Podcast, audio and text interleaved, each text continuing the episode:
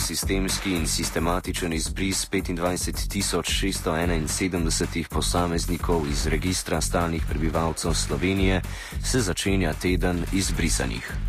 V naslednjih nekaj dneh več organizacij, ki se borijo za pravice izbrisanih, pripravlja forume, javne razprave, projekcije filmov in skupščine. V torek pa tudi protest pred Ministrstvom za notranje zadeve. Izbris več kot enega odstotka takratnega prebivalstva Slovenije je bilo samovoljno dejanje upravnih organov, ki ni imelo zakonske podlage. V največji meri je prizadel ljudi rojene v drugih republikah Jugoslavije, ki pa so imeli prijavljeno stalno prebivališče v Sloveniji. Sloveniji. Kako je izbris potekal, nam je povedala Neža Kogovšek Šalamon, direktorica Mirovnega inštituta.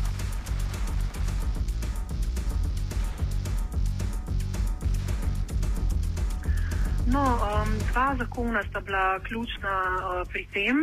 Najprej, kot vemo, leta 1991 zakon o državljanstvu, ki je določil, da lahko vsi stalni prebivalci Slovenije, ki državljanstva ne bodo dobili avtomatično, uh, ker prihajajo recimo iz drugih republik in imajo drugo republiško državljanstvo rejeno, zaprosijo za državljanstvo. Ne? Potem je šestmesečni rok potekal. Tisti, ki so v tem času zaprosili uh, in državljanstvo to dobili, potem niso bili izbrisani.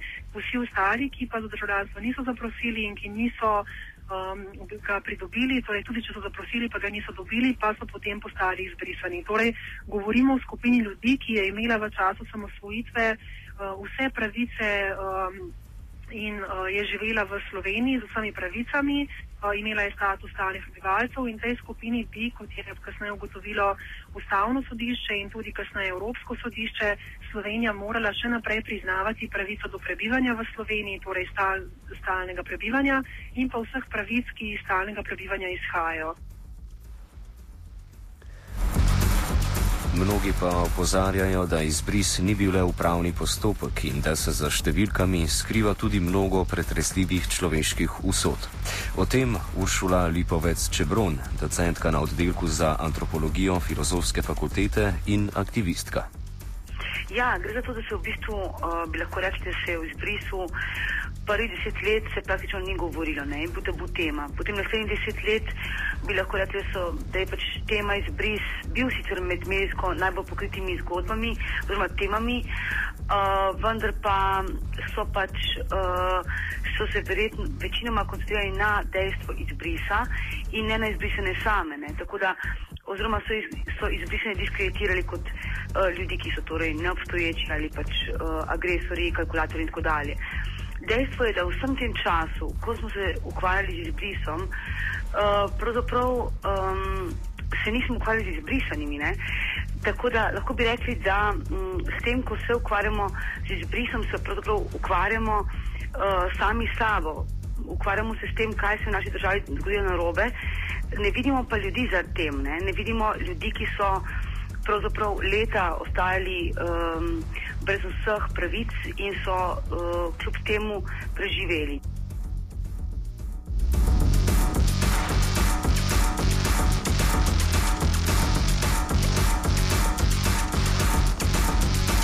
Ali na njihova življenja pred in po izbrisu.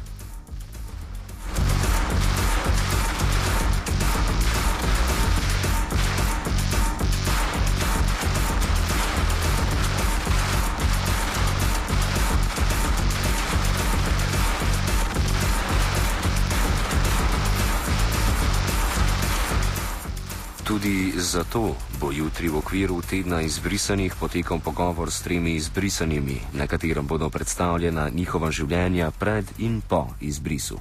Ja, gre za to, da pač jutri ob 11. na oddelku za etnologijo in kulturno antropologijo Filozofske fakultete pripravljamo dogodek, ki ima naslov Makaroni s cukrom, uh, pogovor s tremi izbrisanimi prebivalkami Slovenije o pogumu, trmi, samoti, uporu, aktivizmu in, in solidarnosti.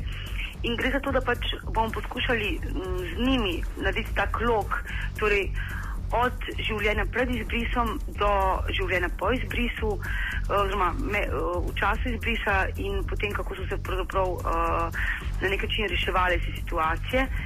Um, težko je zdaj v dveh besedah povedati, kakšno je bilo njihovo življenje, ampak uh, recimo že to, ne, makaroni s cukrom, to pove veliko. Ne. Gre za osebo Liljeno Babič, samohranilko iz Kranja, ki je uh, pravzaprav zato, da bi lahko karkoli dala posebej svojim otrokom, vse čas kuhala makarone s cukrom. Uh, zato, da so lahko um, njeni otroci v stanovanju brez elektrike sploh delali naloge, je uh, šla na pokopališče in krada uh, sveče iz pokopališča. Uh, ne gre za osebo, ki želi biti predstavljena kot žrtev, seveda je žrtev izbrisa, ampak gre pravzaprav za osebo, ki je izjemno pogumna in, in še zdaj ena taka pomembna borka, um, tako za svoje življenje, kot za življenje ostalih. Ne.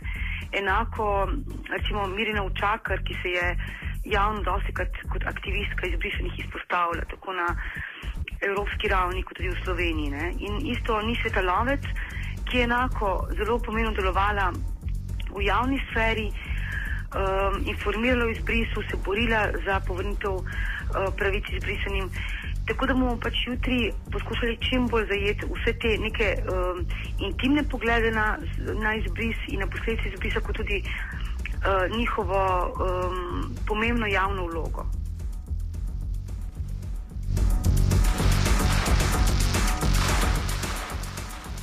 Kljub osebnim stiskam pa so pred slovenskimi sodišči vse čas potekali postopki, ki so zadevali izbris. Za neustaven je izbris večkrat spoznalo tudi ustavno sodišče, govori Neža Kogovšek Šalamon. Obstajali sta dve ključni sodbi ustavnega sodišča, dve sistemski sodbi, temu tako rečemo, ker namreč ustavno sodišče je kar precejkrat odločalo o, o problemu izbrisanih, vendar dve sodbi so resnično najpomembnejši. Prva je izdana leta 1999. Je pa tudi res, da se je takrat Slovenija že prizadevala za vstop v Evropsko unijo. In seveda, ker je tudi Evropska unija hkrati opozarjala na zelo veliko število ljudi, ki v Sloveniji živijo brez vsakršnega pravnega statusa, kar je bilo seveda za Evropsko unijo nesprejemljivo, ker želi imeti prebivalstvo na svojem ozemlju pod kontrolo, seveda, ne, je bilo to potrebno rešiti v vsakem primeru. Torej ne samo zaradi sodb ustav, ustavnega sodišča z leta 1999, ampak tudi zaradi Evropske unije. Zato so takrat oblasti uh, prvi tak zakon uh, sprejele uh, se, in ta zakon se še danes uporablja za urejanje statusa. Vendar pa je bil ta zakon restriktiven. Uh, imel je določene probleme, zato je ustavno sodišče še enkrat odločalo leta 2003 in odločilo, da je v določenih delih neustaven in je Sloveniji naložilo, torej zakonodajalcu naložilo, da mora uh, sprejeti amandmaje, torej spremembe tega zakona. Ne? In uh, na to je, seveda, kot je znano, trajalo kar sedem let, da je bil ta zakon dejansko izvršen, oziroma pardon, da je bila ta odločba ustavnega sodišča dejansko izvršena. Izvršena je bila šele leta 2010 pod uh, ministrico Katarino Kresal. Uh, izvršitev pa je praktično zgodila tako, uh, da je nekoliko širšemu krogu ljudi kot v samem začetku ta zakon potem omogočal pridobitev dovoljenja za stalno prebivanje. Vendar pa še vedno ne vsem izbrisanim, tako da je še vedno 13 tisoč oseb od teh 25 tisoč brez urejenega statusa v Sloveniji. Velika večina med njimi pa seveda v Sloveniji ne živi, ampak živi zunaj, ker so bili bodi si izgnani, bodi si so Slovenijo zapustili sami, ker brez pravnega statusa niso mogli v njej živeti.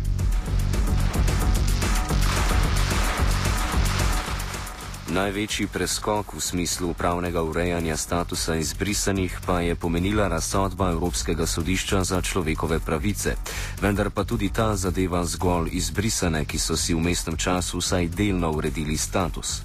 Tudi o tem smo vprašali Kogovšek Šalamonovo. Ker je del ljudi žal v mestnem času že umrl, tako da je ocena, da 13 tisoč oseb nekako ta sodba ne naslavlja.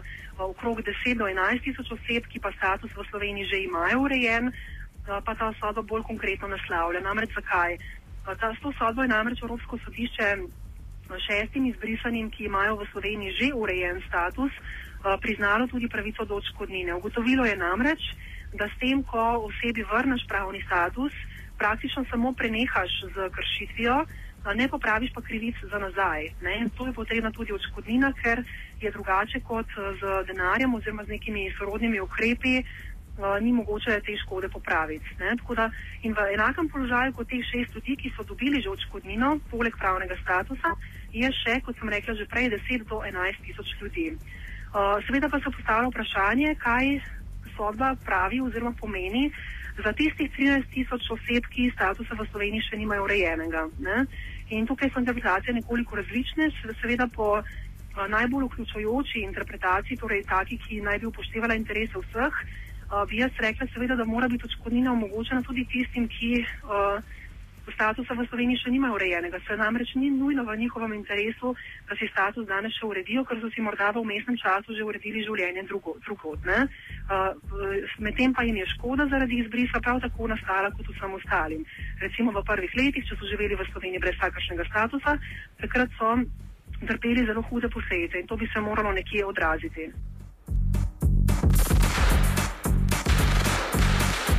Sodišče v Štrasburu je Sloveniji naložilo, da mora poiskati sistemsko rešitev. O tem, kako sprejemanje te zakonodaje poteka in zakaj je pomembna, govori direktorica Mirovnega inštituta. Um, zdaj, rok za sprejetje sistemske um, nove pač odškodninske scheme za izbrisane uh, poteče junija letos. Torej, vlada ima še štiri mesece časa, da to stori da, eh, da pripravi ustrezno zakonodajo, da jo sprejme in da se potem pač ta zakonodaja začne izvajati. Ne? Uh, tako da nekaj časa še ima, res pa je, da štiri mesece za sprejemanje zakona ni veliko, tako da mi v bistvu v civilni družbi nimamo veliko informacij, razen pač te, ki so na voljo javnosti o tem, kako stvari potekajo. Sklepamo pa, da vlada verjetno nekatere dokumente že ima pripravljene, saj se verjetno tudi sama zaveda, da je izvršitev te sodbe v, tudi v njenem najboljšem interesu in seveda hkrati tudi v interesu izbrisanih, ker jim bo na ta način odškodnina dostopna v Sloveniji, ne pa na Evropskem svetu. Tako da zaenkrat, kot ste omenili že sami, je jasen oziroma znan samo akcijski načrt, a, torej neki osnovni obrisi, kako naj bi postopek a, za. A, določanje odškodnine um, bil videti, torej kakšne komponente naj bi vseboval, ampak je tako splošen, da praktično na najbolj konkretna tista vprašanja, ki zanimajo izbrisane, ni mogoče odgovoriti na podlagi tega akcijskega načrta.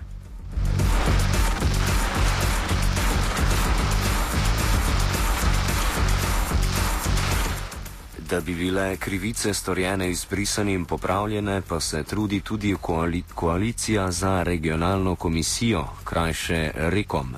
V njo je vključenih več kot 1800 organizacij z območja nekdanje Jugoslavije, ki si prizadevajo nepristransko popisati žrtve desetletnega konflikta, ki je izbruhnil ob, razpa ob razpadu Jugoslavije, tako da te ne bi bile več predmet političnih preigravanj in manipulacij. Zakaj v kontekstu obračunavanja po razpadu Jugoslavije spada tudi izbris, smo vprašali Igorja Mekino, člana koordinacijskega odbora Rekom za Slovenijo. Predvsem zato, ker eh, so bile to zadeve, ki so bile povezane. Uh, zločini so se dogajali posod, krivci so ponavadi recimo na eni strani meje, žrtve na drugi, uh, ali pa so se dogajali, dogajali te kršitve uh, v kontekstu razpada nekdanje Jugoslavije, ko je bilo kaj takega sploh mogoče narediti in uh, pripadnike drugih narodov na nek način označiti kot nepotrebne v določenih uh, družbah. To je bilo tisto, kar je bilo zadaj nekje. Ne? Eh, nekje so bili uh, zločini, druge so bile pa samo kršitve, bom rekel, hude kršitve človekovih pravic. Tako da so to zadeve, ki so vsekakor povezane. Uh, ob tem je treba upoštevati še to, da je to slovenska vlada do zdaj dvakrat že zavrnila ustanovitev posebne komisije, ki naj bi to obravnavala, pa tudi uh, za samo popravo krivic v skladu z sodbo Evropskega sodišča za človekove pravice gre zelo uh, slabo in počasi povedati.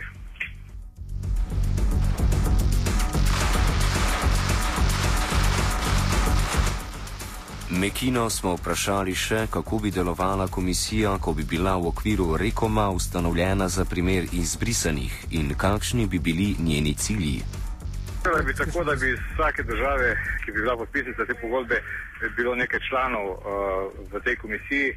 Komisija bi potem imela en mandat, uh, možnost, da se da napravi poročilo in to na osnovi tega, da bi zbirala podatke predvsem uh, strani samih žrtev.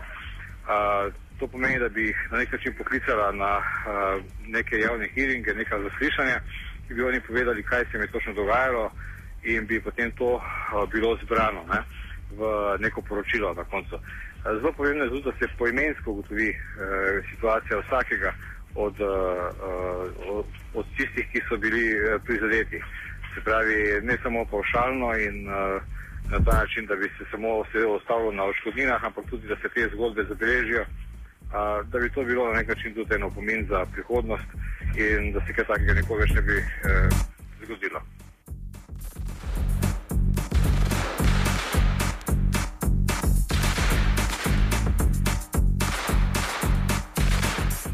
Za konec smo Kogovšek Šalamonovo vprašali še, ali obstaja možnost za sodno kaznovanje konkretnih posameznikov, ki so odgovorni za izbris, med katerimi se na, najpogosteje pojavljata imeni Igorja Bavčarja, takratnega notranjega ministra in državnega sekretarja Slavka Debelaka. Ja, zdaj vprašanje pa je, kaj kazensko sploh še mogoče storiti. Ne? Zanimivo je, da je denimo uh, Boštjan M. Zopančič, slovenski sodnik, ki je prav tako sodeloval pri Eh, pripravi razsodbe Evropskega sodišča v svojem pritrdilnem ločenem mnenju zapisal, da kadarkoli Evropsko sodišče ugotovi, da je šlo za diskriminacijo in v tem primeru je točno to ugotovilo eh, tudi samo, da takrat je država še posebej zavezana, da preišče odgovornost za uh, diskriminatorna dejanja, ki so bila izvršena pri tej kršitvi. Uh, in seveda je s tem nekako dal signal Sloveniji, da je zavezana ne samo popraviti krivice, ampak tudi raziskati vprašanje odgovornosti.